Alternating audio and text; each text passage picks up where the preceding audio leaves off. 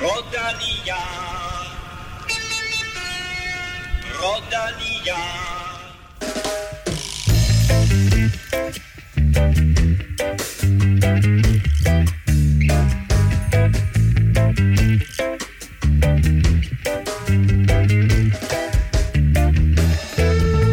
Giro d'Italia er kommet i gang med manerer. Vi kigger nærmere på de første fem etaper, og ikke mindst tredje etape, hvor en hollandsk taco nægtede at lade sig spise af det sultne felt. Det kan godt være, at der er fokus på det der mindre stævne i Italien, men Kasper Askren havde benene igen, da han vandt enkeltstarten og blev samlet træer i etabeløbet Algarve rundt. Og dermed velkommen til mine to garvede eksperter, Kim Plesner og Stefan Djurhus. Mhm. Tak for det. Godt at Tak, se jer. tak, tak. Godt at se jer, drenge. Kim, øh, altså jeg har det sådan lidt, at vi har mange, rigtig mange gode cykelryttere i det land her lige nu, men der er vel ingen større end Kasper Askren. Nej, af de, af de mange, der, der har vist sig frem i år, der, der har han kørt sig lidt op i en, en liga for sig, synes jeg. Og det, er jo, det har også lidt at gøre med, at øh, en rytter som Mads P. selvfølgelig har ligget, kan man kalde det under niveau, men har haft nogle uheldige omstændigheder i hvert fald i sin forårssæson, der har gjort, at han ikke helt har kunne, kunne vise fladet, og en Søren Krav, der måske heller ikke lige helt har Der slået lige var igennem, så- 100 meter fra Milano Sanremo. Ja, Men men ellers- lige præcis. Men ellers, øh, så har, har Askren også ligesom løftet sit niveau, samtidig med, at, øh, at de andre, som, som vi måske havde set lidt som hans øh, konkurrenter sådan, i den interne danske konkurrence, har måske ligget lidt under. Sejr i marts, sejr i april, og nu også sejr i maj til øh, Kasper Askren. Apropos sejr, Stefan.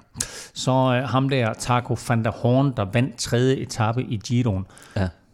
Ham har du faktisk slået en gang.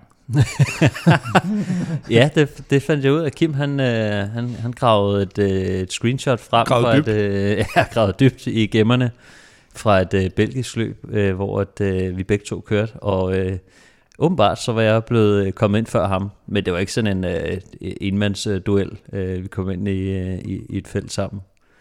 Du har ikke sendt ham screenshotet af dengang, du slog ham. Nej, jeg tror, jeg tror, han er rimelig ligeglad. det sjove ved det der løb, øh, som Kim lagde et billede op af, det var faktisk, at Wout van Aert også var med.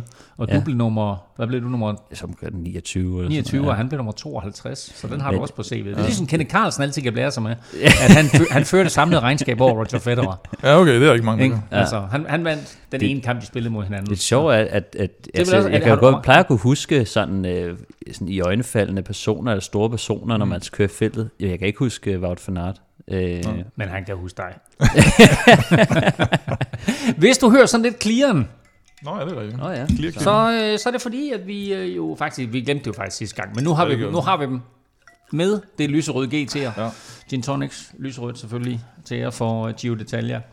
Uh, øh, lidt senere i udsendelsen, der skal vi omkring uh, og det kønne quickstep, fordi det er nu bekræftet, at en af de helt store stjerner forlader holdet.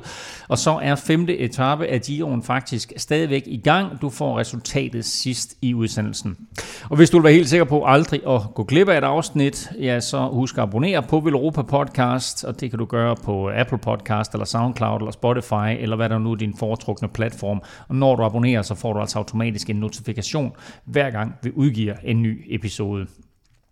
Tak til alle jer, der støtter på tier.dk. Vi trækker lod om en Velropa Cup senere i udsendelsen. Og så nærmer vi os så småt de her 750, og der er vi også i gang med at øh, bygge en stor præmie op. Øh, der får du også at vide lidt senere, hvad der bliver smidt af lækre sager i puljen i dag. Og også tak til alle jer, der har støttet via shoppen. Øh, Der er faktisk lige nu 30 styk special t-shirts og trøjer til salg med Velropa logo. Øh, Og det er først til mølle. Der er simpelthen ikke andre end de 30, så tjek dem og alle de andre produkter på shopvelropa.dk og se om der er noget, du kan lide. Mit navn er Claus Elming. Du lytter til Velropa Podcast, præsenteret i samarbejde med HelloFresh og Odset fra Danske Spil. Vel Europa Podcast præsenteres i samarbejde med Odset fra Danske Licensspil. Husk, at man skal være minimum 18 år og spille med omtanke. Har du brug for hjælp til spilafhængighed, så kontakt Spillemyndighedens hjælpelinje Stop Spillet eller udluk dig via Rufus. Inden vi går i gang med Giroen, så skal vi lige runde Algarve rundt, hvor Kasper Askren fortsatte sin imponerende sejrsrække, og Michael Mørkøv igen viste, at han formentlig er verdens bedste lead-out-rytter. Askren viste igen sin store motor og alsidighed som cykelrytter, da han vandt enkeltstarten. Øh, kørte med de bedste opad og blev nummer tre samlet i et øh, etabeløb der i Algarve. Og det er altså ret imponerende, Stefan, det her øh, Askren han går og præsterer. Ja, det må man sige. Og sige det, det, det, det er et okay cykelløb, øh, men bare, bare det, at han selvfølgelig vinder enkeltstarten, øh, viser virkelig sin styrke der, men også den måde, han, han kan køre opad på, det, det, det imponerer mig sgu virkelig. Vi ved, at han er, han er en stor motor, og han er rimelig trimmet, men er altså ikke nogen bjergrytter. Øh, så det, at han kører op med, øh, med, med nogle øh, rigtige bjergrytter i, i det terræn der, det synes jeg, det er sgu imponerende. Altså, han giver den bare fuld, fuld æde og, og ser, om det holder. Og han bliver jo træer i et løb, som øh, overhovedet ikke er, er egnet til ham. Øh, så han, øh, han viser bare, at han, øh, han virkelig har øh, topniveau i år.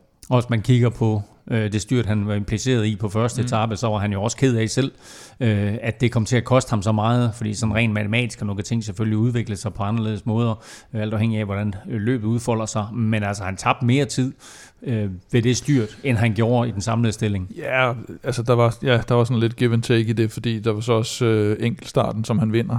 Der har Ethan Hader bedste mellemtid, altså foran Askren ved den første mellemtid, og så styrter han lige efter. Så der kan man også sige, havde han så vundet enkeltstarten der i forhold til Askren og sådan noget. Oh, men Askren kørte trods alt fra Hader dagen efter opad. Ja, det er rigtigt. Der plus at han, øh, hvad hedder det, øh, han kørte rigtig, rigtig hurtigt hjem over på, på enkeltstarten. Så selvom Hader havde, først, havde bedste mellemtid der, det, det er ikke sikkert, at han havde, havde slået ham alligevel. På første etape, der blev Kasper altså fanget bag ved et styrt, og det endte med at koste ham 39 sekunder, og da regnskabet det skulle gøres op efter sidste etape, der var han altså kun 28 sekunder efter den vindende øh, Joao Rodriguez. Michael Mørkøv og Sam Bennett, de var i topform i Algarve rundt, og de legede kispus med de andre favoritter. Ja, det må man sige. De er, de er stadig godt, øh, godt, godt tag på det, godt samarbejde, og øh, de var altså overlegne her. Øh, og der, der var altså også andre gode sprinter med. Øh, Danny van Poppel var med, og, og, og andre mindre gode. Øh, Pascal Ackermann var også øh, med. Kim. øh, men noget af det, som jeg faktisk overraskede mig over øh, på første etape især, der gik det lidt opad til mål. Og, øh, og der så jeg, hvad hedder han, Sam Bennett, han sprinter i grebene, og det er noget, jeg har, jeg har set før. Øh, jeg synes, det er sådan lidt sjovt. Jeg fik altid øh, slag, hvis jeg havde... Øh, hvis jeg sprintede i grebene. Øh, mm. og man kunne se, Bennett var den eneste i, i spurten, der, der var i grebene. Og så var der en, øh, en sød person på Twitter, der skrev at, øh, og linkede til en artikel, så, hvor han sagde, at han åbenbart kan få mere power ud i pedalerne mm. ved at sidde i grebene.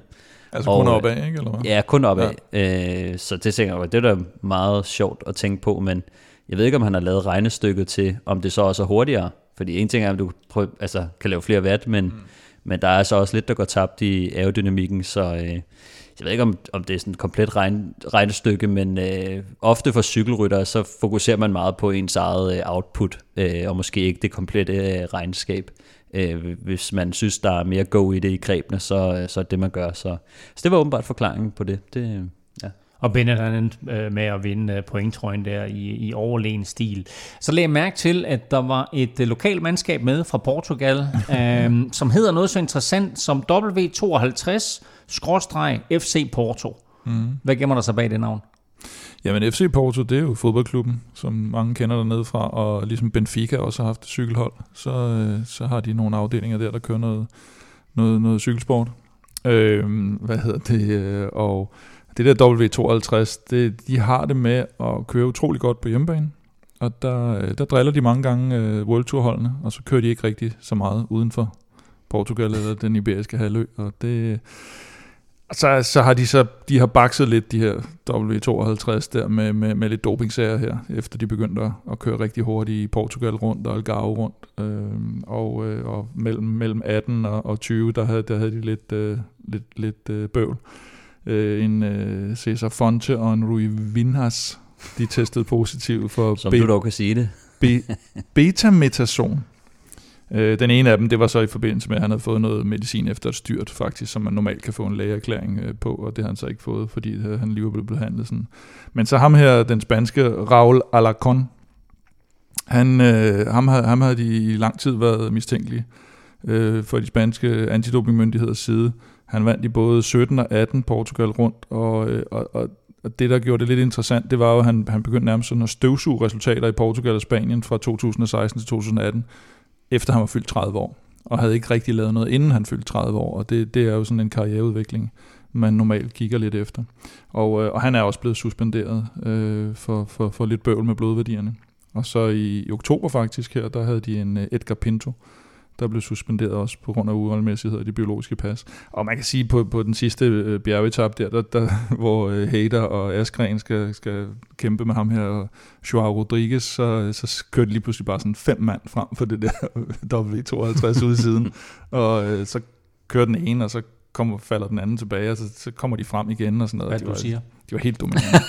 jeg siger, de kører bare utrolig godt på, i Portugal. Der er et eller andet med den portugisiske asfalt, der gør, at, øh, Men øh, er det de spanske øh, dopingmyndigheder, der er efter dem i Portugal? Nej, det var fordi, det, fordi, var at- Alacon. Han er Raul Alacon af Spanien. Åh, okay. Så det var derfor, det er dem, der, eller, der, er dem, der undersøgte. De er jo meget strikse normalt i Spanien også. ja, har været i hvert fald. Men, ja. men som du siger, så dominerede W52-FC Porto, altså den der sidste femte etape, og øh, vandt også øh, etappen, og Joao Rodriguez der blev samlet øh, vinder af Altså, løbet. det, er- det, er nogle, det er jo, som Stefan siger, det er et godt løb, øh, specielt Algarve rundt der, og Mm. Portugal rundt har også. Men der er sådan lidt en stående joke med, okay, gad vide, hvilken øh, W52-rytter, der nu lige pludselig bare fuldstændig eksploderer i, i det her løb, ikke? Og, og brænder helt igennem. Og Ja, det, det er noget, man ser nogle gange i de der løb, også lidt, lidt mere øst på. Altså, så kommer man ned til nogen, man aner ikke rigtig, hvem de er, og mm. Ser lidt sjov ud, og så kører de bare som død og helvede øh, lige pludselig, når der går opad, ikke? Og så ser man dem ikke mere overhovedet. Altså, sådan, øh, det er lidt, det er Nej, lidt ham sjovt. her, Joao Rodriguez, der, der vandt i Algarve, han har, han har gjort det godt før. Han har kun kørt løb i Portugal i de seneste to år. Og øh, så har han kørt, i 2019, så kørte han øh, som det eneste år, kørte han løb uden for den iberiske halvø. Mm. Og der kørte han noget Luxembourg rundt og sådan noget. Han kørte Danmark rundt. Og så bliver han nummer 20 i Fyn rundt. Okay. Det er hans Uden- bedste placering Hvilket år uden var det? 19. 19? Ah, Det er den bedste placering uden for den iberiske halvø, han har haft. Det er nummer 20 i Fyn rundt. Til gengæld så vandt han altså Algarve ja. Rundt her, og det var med øh, Ethan Hader fra Ineos på anden pladsen, og så altså med Kasper Askren på tredje pladsen. Om lidt, der skal vi tale Giro, men først skal vi naturligvis have skudt quizzen i gang. Og øh, efter sidste uges forrygende optræden af jer to, hvor I lige er samtlige vinder af i de øh, sidste 10 års Giro'er, så bliver der altså skruet lidt op for sværhedsgraden i dag. Uh-uh. Øh, sidste år var der faktisk kun 18 etapper i Giro d'Italia, fordi øh, hele starten der i Ungarn mm-hmm. blev aflyst. Um, nu ved jeg ikke, om Ungarn kommer tilbage som øh, startnation på et eller andet tidspunkt for Giroen, men øh, 17 gange er Giroen startet uden for Italien. Hmm. Men øh, hvilket land har været vært for en Giro-start flest gange? Altså, der gætter jeg umiddelbart på Italien. Ej, udover Italien. Okay. jeg har godt udnytte min serveret er- hurtigt. Han er, han er så smart. Ja. Ja. Du har serveretten, Kim. Og kan du finde ud af, hvordan du vil bruge den lidt senere. Er spørgsmålet forstået? Ja, det Ja. tror jeg, ja. Ja. Godt. Så har jeg kun én ting til jer to, og alle jer, der sidder og lytter med. Lad nu være med at google.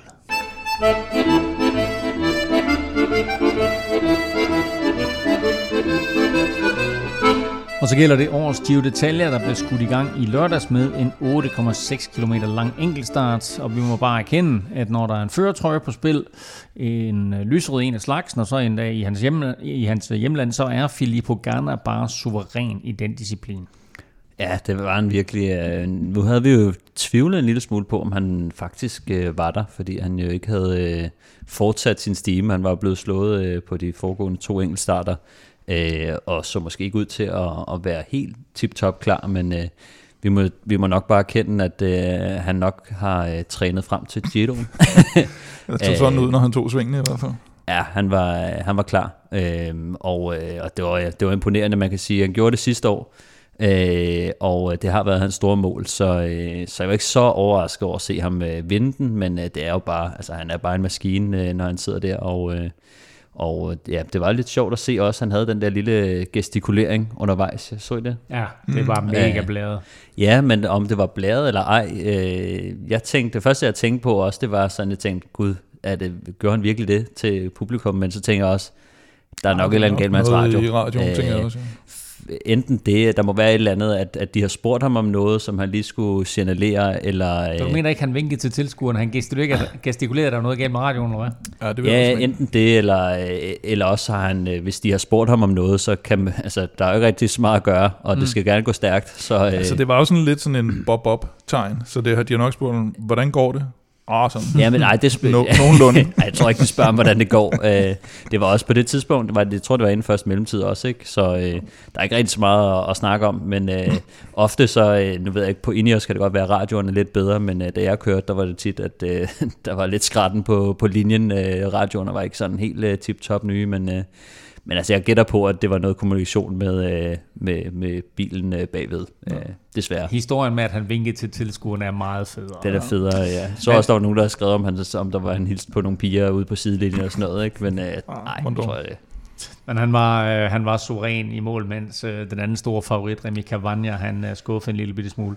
Øh, jeg ved ikke, om øh, Luis Leon Sanchez, han havde tænkt sig, at øh, han skulle blande sig i topstriden, men han endte sidst efter endnu, hvad man godt kan tillade sig at kalde sådan lidt en pinlig situation det for var, Astana. Det var virkelig underligt, fordi altså, han er jo trods alt så god, at jeg tror, du havde ham på dit managerhold, havde du ikke, Stefan? Altså, det, oh. det, det, nå, det var, han var start. Nå, nej, men han, han kan, kan jo netop godt brænde sådan nogle øh, enkeltstarter heraf. Han har været i god form med os øh, op præcis. til her, så...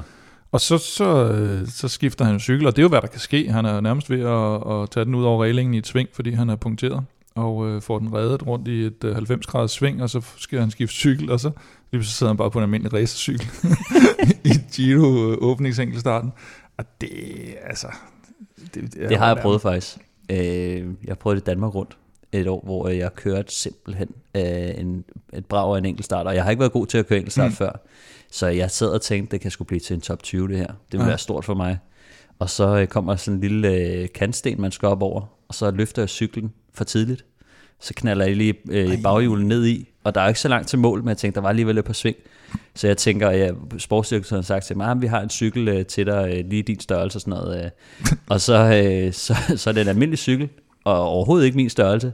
så så jeg, jeg kører mig ned på sådan en almindelig racercykel, øh, som er alt for lille til mig.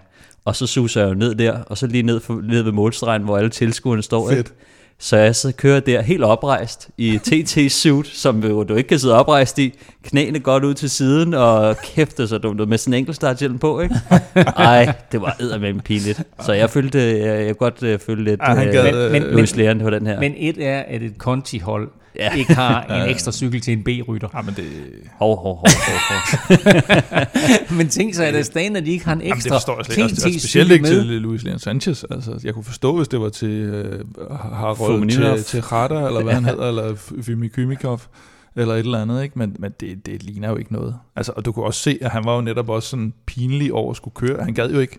Nej, altså, han gad ikke at køre, du gider ikke at køre igennem på sådan en. Altså, det minder jo næsten ligesom, da Jens Vogt, han måtte låne den der juniorcykel på en Tour de France-etap, fordi at han mm, ikke kunne få ja. en reservecykel. Ikke? Det, det, er jo noget, det er frygteligt noget, det der.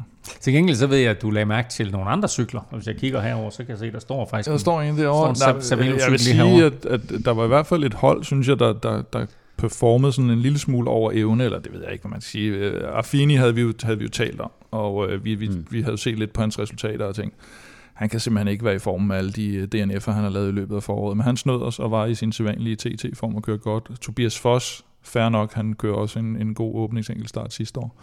Øh, og så Jos van Emden kører også en top 10, og George Bennett kører også, vil jeg sige, overperformer også i forhold til, hvor han skulle ligge hen. Han skulle ligge ned omkring sådan noget Dan Martin måske på, på en enkelt start. Ah, ja.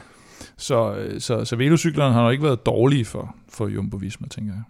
Nej, man så også, øh, nogle, no, der er nogle detaljer ved, ved velocyklen. En ting er styret, som man så. De har kun øh, øh, sådan en bøjle op til styret, øh, hvor at alle andre TT-cykler har to, ligesom man har den her, det her bane øh, styr, øh, har ligesom vundet ind øh, på, på landvejen også, hvor der ligesom er sådan to søjler ned til, øh, til, til styret, ikke? Øh, og så, øh, ja, og der har øh, Savelo så kørt med, med bare en enkelt, så der kan man sige, at det sparer en lille smule der, og det er jo bare en af de ting, som, som de har udviklet på, og, og når man så endelig ser det, så tænker man, jamen det giver jo god mening, hvorfor fanden skal der være to egentlig?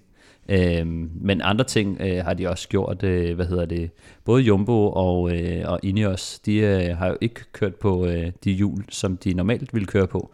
Øh, de har kørt på, øh, på rent sorte hjul, og øh, som jeg kunne øh, læse mig frem til, for jeg var også lidt interesseret i det. Det er, øh, de kører på nogle hjul, der hedder Aox og øh, Princeton. Øh, så, så de har altså valgt, øh, når det gælder, så, øh, så kører de ikke på Shimano hjul, så øh, mm. kører de bare på, på sort hjul. Og det er jo... Men hvad kalder du dem? Sorte hjul? Ja, altså de har jo kørt no name. Altså, Okay, okay, nå, de, de, det er et andet mærke, men så har de jo pillet øh, de mærker af, øh, og så er det bare sort hjul, de, For ikke de at komme i kører. konflikt med sponsoren. Ja, men det undrer Men du skal mig have det lidt. i din kontrakt med sponsoren selvfølgelig, at du siger, vi gør bare lige opmærksom på, at til det her og det her, der bruger vi ikke jeres produkt. Ja, det, det, det, det er en lidt sjov øh, ting, og, og der, der ved vi ikke, hvad aftalen er, men der, det skal, øh, enten så, så skal de tage en bøde, eller også så, øh, så skal det være en del af aftalen. I Ikke? gamle dage, der malede man jo. Mm. Der malede man jo bare mærket over på nogle andre, for at- og så nærmest sådan halv snyde sponsoren, eller sponsoren sagde, "Men det er lige meget, fordi jeg tror, der var noget med Jalabert med en, var det en Luke-cykel også på et tidspunkt, og Cancellara med, med de Og der kunne FSA, sætte- der er også øh, nogen, der har han sat kørte i klister- stykker, ikke? Der var også nogen, der satte øh, zip-klistermærker på nogle andre hjul, for Mm, eksempel, mm. mm, eller sådan et eller andet, for at, Ja. at bibevare det. Men det Men er jeg lidt tror, nu, nu laver du simpelthen en aftale, hvor du siger, eller de store hold gør i hvert fald, hvor, hvor du ligesom har mere rene linjer og siger, der, der, der, der, kan vi, der er jeres produkter altså ikke gode nok, men vi vil gerne lave en aftale med jer for resten af sæsonen. Ja, de har nok et eller andet fritagelsesklausul øh, klausul, mm. et eller andet sted. Men, men der kan man jo bare se, at øh, når de store hold, øh, de øh, gør alt, hvad de kan, og øh, de køber altså de her, sikkert køber, har de købt produkterne ind øh, til, til det her formål. Ikke? Og, På det øh, sorte marked. på det sorte marked. Ja, jeg ved også, øh, der er mange hold, som også øh, selv køber øh, Ceramic Speed øh, keramiske kuglelejer. De har jo kun øh, sponsoreret nogle ganske få hold, og så har de altså, så sælger de altså deres produkter til, til mange af de andre hold, fordi at øh, de har et godt produkt, og det er eftertragtet, men de vil ikke, Ceramic Speed kan, kan, eller vil ikke sponsorere hele World Touren, men de sælger altså deres produkter til mange hold. Så vidt jeg husker, dengang jeg var på Team CSC, Mm. at der tror jeg faktisk også selv, vi købte Shimano-grupperne. Igennem ja. en eller anden dansk forhandler i Edesø eller sådan et eller andet. Øh, Det var ikke en del af sponsorat. Det er lidt forskelligt, hvad, øh, hvad holdene gør. Altså om de får sponsoratet, eller om de øh, vælger at købe det. Øh, Selvfølgelig vil man gerne have det hele gratis, øh, Mm. og, og nogle penge oven i hatten, men, men der er nogle gange, hvor hvis man gerne vil have noget frihed øh, i forhold til julesponsor, eller hvad det nu skulle være, øh, så kan man godt lave en anden aftale. Så kan man sige, at vi skal ikke have jul med, øh, men hvis de så får nogle penge fra Shimano for eksempel, øh, så, så, kan de jo, altså, så kan de jo bare sige, at fint nok, så, så, så har vi bare... Øh, så køber vi nogle hjul, og så øh, har vi ikke en bindende aftale på det, eller Mm. sådan et eller andet. Også typisk i, altså i forårsklassikerne kan du også virkelig lave det der med, med dæk ja. Og hjul og alt sådan noget, hvor du kan sige, der skal vi altså bruge noget specielt, som vi ikke lige ja. Kan få hos vores sponsor måske. Men det er noget, man ser med, med, med Jumbo Ineos, øh, de store hold, øh, som virkelig vil gerne vil gå all in på, på, på at vinde på de her enkeltstarter. Gælder det jo meget med aerodynamik, så, så har de altså øh, tænkt ind i det, de aftaler, de har, hvor nogle af de mindre hold, de, de har nok ikke øh, helt den samme øh, frihed. Der er ikke en uh, enkelt start i Giroen igen før den uh, afsluttende etape til uh, Milano den uh, 30. maj, men der kan man jo så holde øje med, med det her. Det er sådan et lille staldtip fra, fra Stefan. uh, til gengæld så fik enkeltstarten en højst besynderlig afslutning, Kim, da Dan Martins løjtnant måtte forlade uh, løbet efter et styrt på vej hjem til hotellet, kunne hjælpe med. Ja, det sker jo faktisk nogle gange, at, øh, at, at, at der sker uheld, når, når man er på vej hjem fra, fra, fra løbet, havde jeg sagt. Og mange gange så ser man jo rytterne, de, det er nemmere for dem simpelthen at cykle hjem til hotellet. Øh, Du ser dem også typisk øh, nogle gange for bjergetapperne, hvor de kører ned ad bjergene for at komme ned til, det er så for at komme ned til busserne typisk. Øh, Men nogle gange så kører du også bare hjem til hotellet, hvis du er inde i en by for eksempel. Og øh, Chris Nylands fra Israel Startup Nation, han, øh, han brækkede simpelthen kravbenet. Og øh, dermed så mistede Dan Martin, som i forvejen ikke kørte en super enkel start, øh, også en, en vigtig hjælper.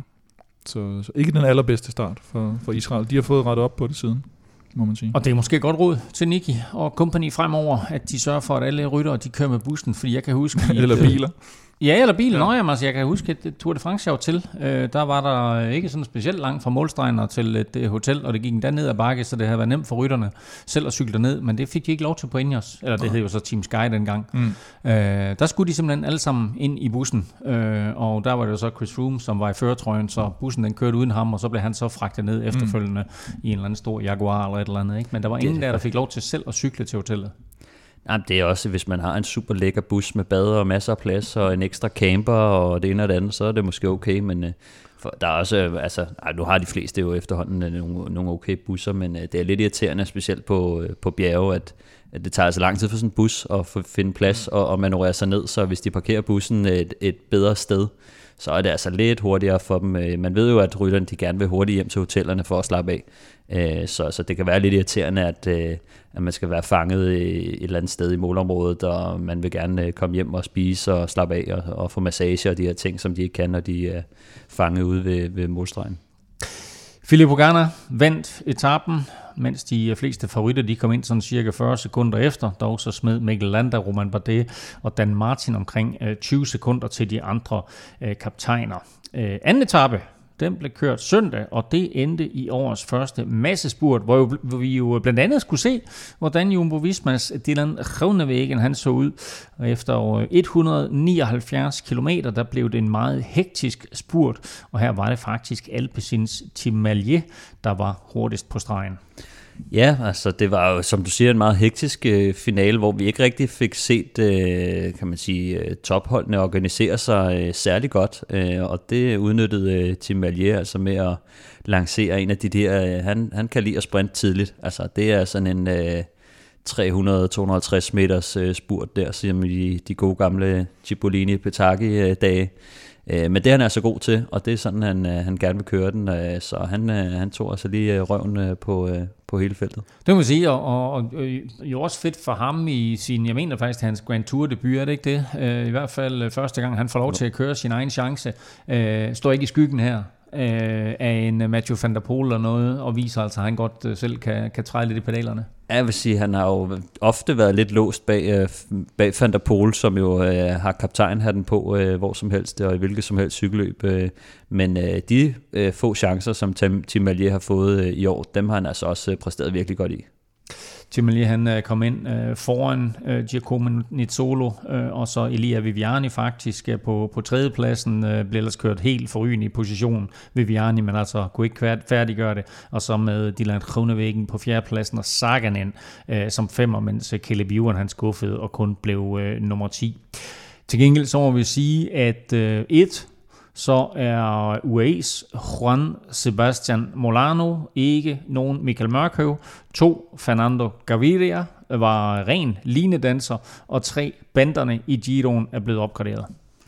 Øhm, ja, altså, det, og det fik vi jo øh, alt sammen konstateret her. Øh, først og fremmest øh, Molano øh, havde ikke lige øh, Gaviria øh, fasttømret på sit øh, baghjul, og øh, og, og endda så kommer Gavidia jo op på et tidspunkt og vil jo gerne uh, sus indenom, men uh, han, uh, der, går, der var ikke lige plads.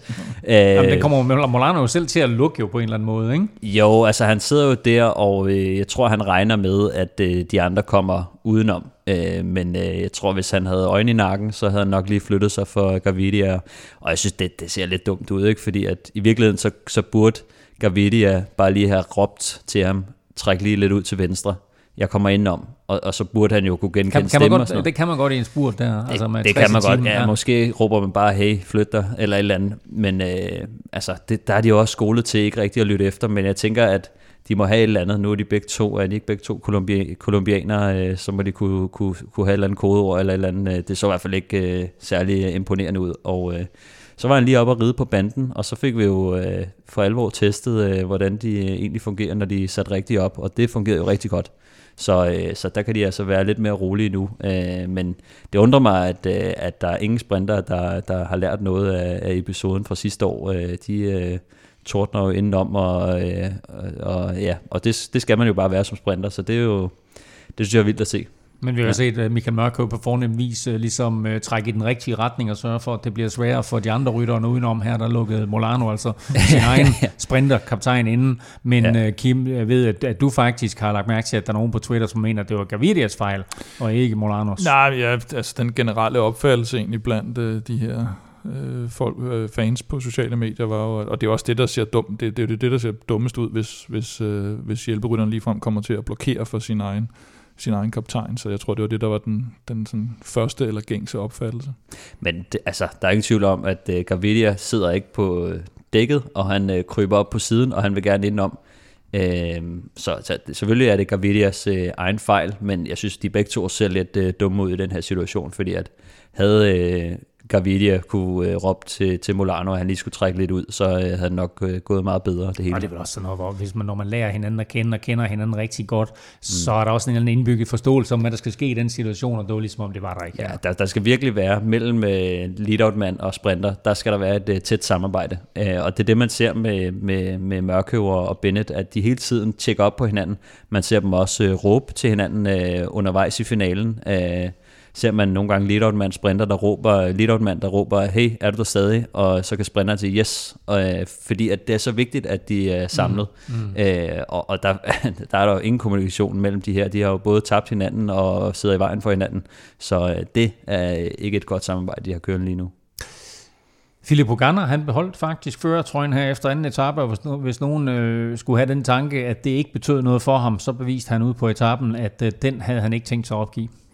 Nej, han tog lige øh, tre bonussekunder. Og øh, dels så tog han dem jo for, for sin egen skyld, og dels så tog han jo også for, at der ikke var nogen af, af Egan Bernals konkurrenter, der så kunne, øh, kunne gå hen og snuppe øh, dem, der lige var, var til rådighed. Så, øh, så det, det er klart. Og selvfølgelig en italiener i den lysrøde føretrøje. Han, øh, han opgiver den ikke lige. Øh, og der er jo faktisk øh, på hver etape to indlagte spurter, Kim, men øh, de bliver belønnet forskelligt. Ja, den første det er altid point til, til pointtrøjen, og den sidste det er så bonussekunder, 3-2-1. Så der har de valgt at opdele den lidt, øh, også for at få ligesom to forskellige det er jo typisk forskellige rytter, der kører efter det, og netop øh, til sidst på etappen er, er der også større chance for, at tingene er samlet, og dermed at netop nogle klassementsfolk kan komme ud og, og skabe lidt ekstra spænding, øh, eller, eller hente nogle sekunder i klassementet. Hvor den første, det er typisk sådan en, hvor man mm. siger, skal vi lige holde det samlet hen til den første, og så ser vi, hvad der sker.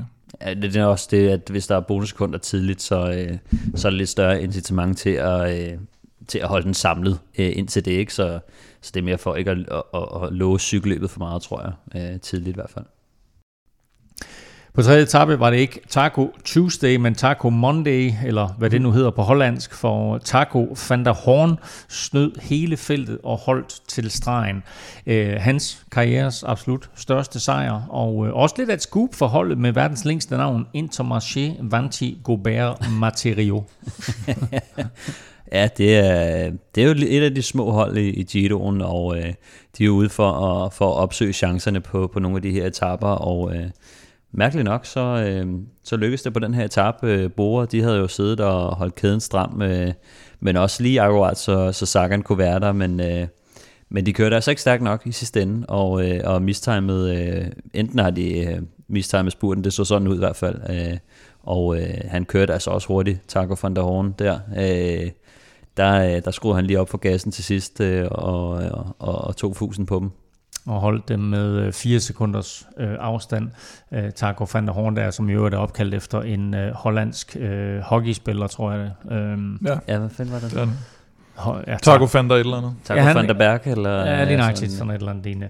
Men øh, en uh, meget, meget imponerende sejr, øh, mm. og jo en af de her sjældenheder, hvor, hvor feltet netop mistimer det. Vi er jo så vant til at se, at de har fuldstændig styr på den situation, men der var altså lige en enkelt taco der, de ikke havde styr på. Ja, det, synes, de, de, de, det var jo planlagt fra start, at Bora de skulle op og sætte øh, pres på og få sat alle sprinterne. Det lykkedes jo også et langt stykke hen ad vejen, men... Øh, men et eller andet sted, jeg synes, det var, det var ret imponerende, fordi at det, der blev altså der blev kørt rimelig stærkt til. Øh, det kunne man godt se. Øh, og øh, hele Boras plan, og den går altså bare i, i vasken, øh, når de ikke lige får hentet øh, udbruddet der.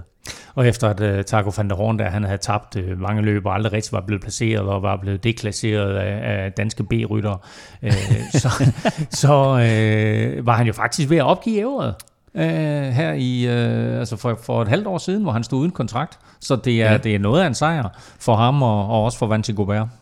Det er noget af turnaround i hvert fald. Og øh, apropos taco, så skal vi nu tale om mad.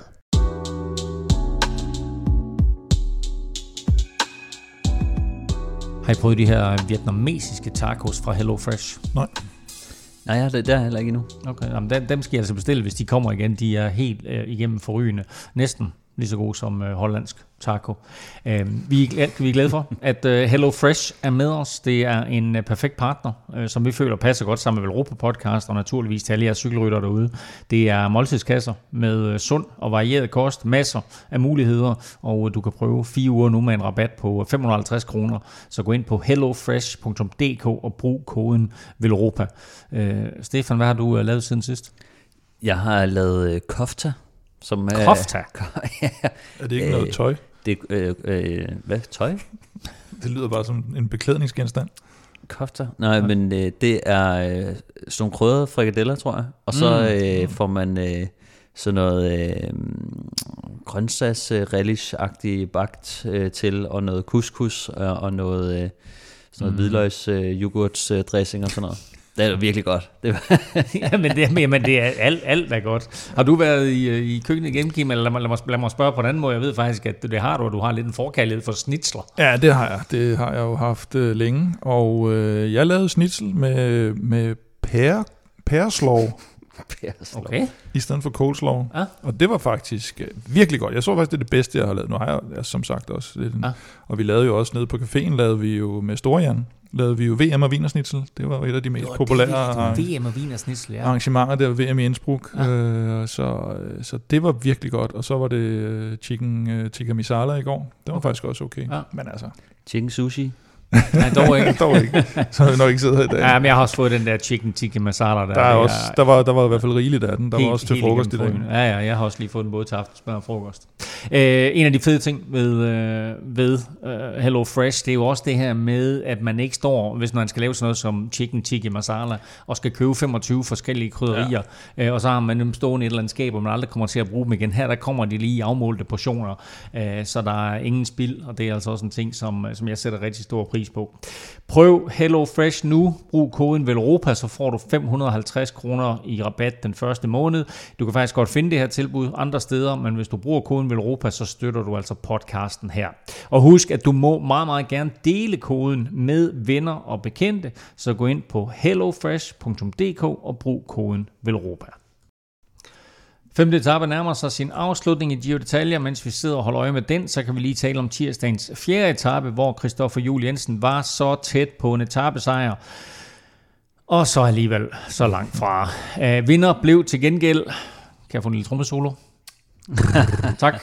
Joe Dombrowski. Sådan. Sådan. Men er det ikke hans første sejr, mens vi har lavet podcast? Det, det, det, det, det er en af dem, jeg er ikke sikker på. Men endelig, endelig, endelig fik uh, Super Joe sin første sejr. Uh, til gengæld så kom Alessandro De Marchi ind uh, umiddelbart efter Joe Dombrowski. Det betød faktisk, at han overtog førertrøjen.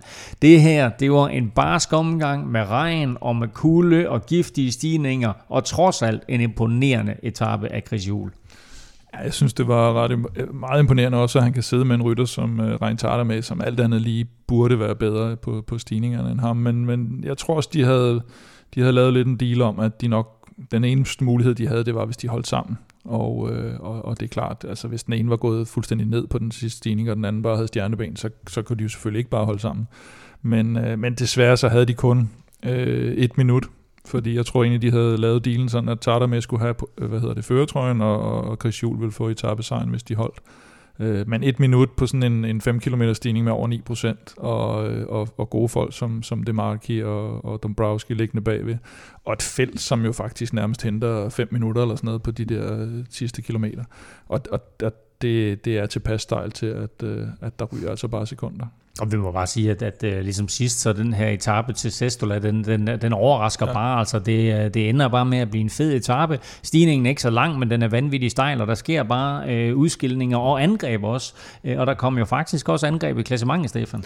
Ja, jeg tror faktisk, det var øh, Giulio Ciccone, som jo er en, øh, den her angrebsivrige italiener, der jo også tidligere har vundet bjergtrøjen, så vidt jeg husker. Øhm, og er jo altid i hopla i, i Giroen her. Han, øh, han var også øh, den første, der, angreb og fik jo følgeskab af de øvrige Og var, var, storfavoritter. øh, vandt jo sidst, at øh, feltet her var i Sestola. Ja, sjovt nok. 16. Øh, så, øhm, så han kørte afsted og fik jo øh, blandt andet Lander med, som også øh, gav, den, øh, gav den godt gas, øh, som jo desværre øh, har set øh, styrtet i dag. Men øh, det var altså øh, storfavoritten, der, der røg afsted her. Egan Bernal var, var også med, og øh, Alexander Vlasov øh, så også øh, fint ud. Hugh Carthy kom, øh, kom akkurat øh, med, og så... Øh, så var der altså Remco Evenepoel og Simon Yates, øh, de tabte en lille smule tid, men øh, det, var ikke, øh, det var ikke det store, men, øh, men altså første stik, det går altså til, øh, til Ciccone, Egan Bernal, øh, Landa. Øh, I vores Giro-optakt, der, øh, der talte vi øh, om nogle sådan interessante dueller, øh, nemlig internt hos øh, det kønne Quickstep med Almeida øh, kontra øh, Remco Evenepoel, øh, og hos DSM med en Jai Hindley mod en Roman Bardet. Og det er lige før, at de der øh, interne kampe på holdet, Kim, de allerede er sat. Ja, i hvert fald hos uh, The Korean Quickstep. Uh, Almeida, han så helt uh, vingeskudt ud. Uh, allerede tidligt, hvor han, hvor han lige fik, fik hævet sig med, og så til sidst, der måtte han, der måtte han fuldstændig opgive. Og til gengæld så Remco faktisk uh, meget godt ud til, selvom han lige, lige mister noget til sidst. Uh, Hindley tager også lidt mere tid end ventet på sådan en etape, og bare det, som vi talte om sidst, er det røgslør, det her med, at han ikke vil køre klassementer, så han holdt sig i hvert fald til. Det er det, siger, han kører, han kører klassementer, indtil han ikke gør mere. Ja, lige præcis, og, øh, og, og, så vidner det nok også om, at, at, at den her Giro er bare noget stærkere besat end sidste år, hvor det netop var, var, var typer som Hindley Almeida, der dominerede fuldstændig. De bliver altså sat på en kategori 2-stigning nu af, af, af de andre. Og så er der også det at bemærke, at lige præcis de to rytter er jo også rygtet væk fra deres nuværende hold.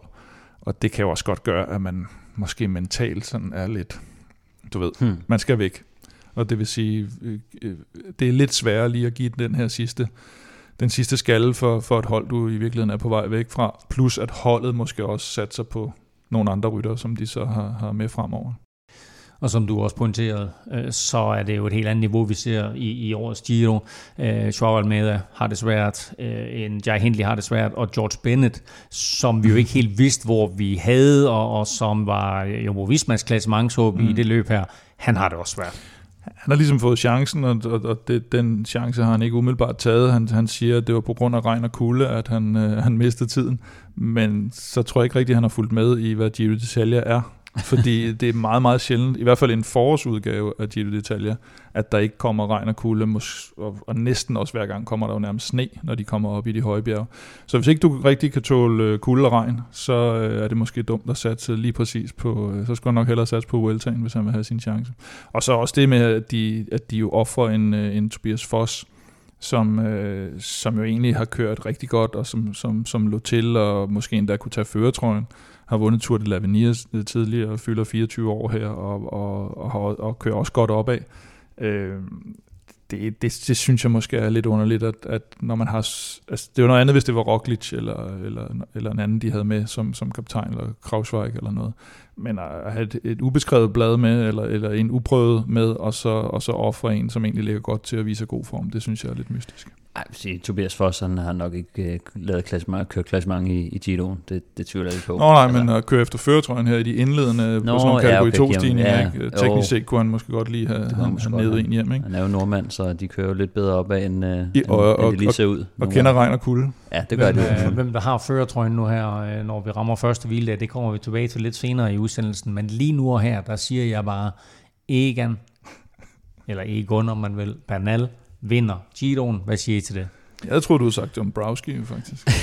ja, men prøv at nu nævne Stefan i det der styrt, der ja, med Landa, og uh, Dombrowski var med i det styrt. Uh, vi ved, vi kender ikke status på dem endnu, vi vender tilbage til det lige om lidt, mm. når vi skal snakke femte etape. Men altså, uh, der var jo noget podcast-polemik, vi havde gang i sidst. Ja.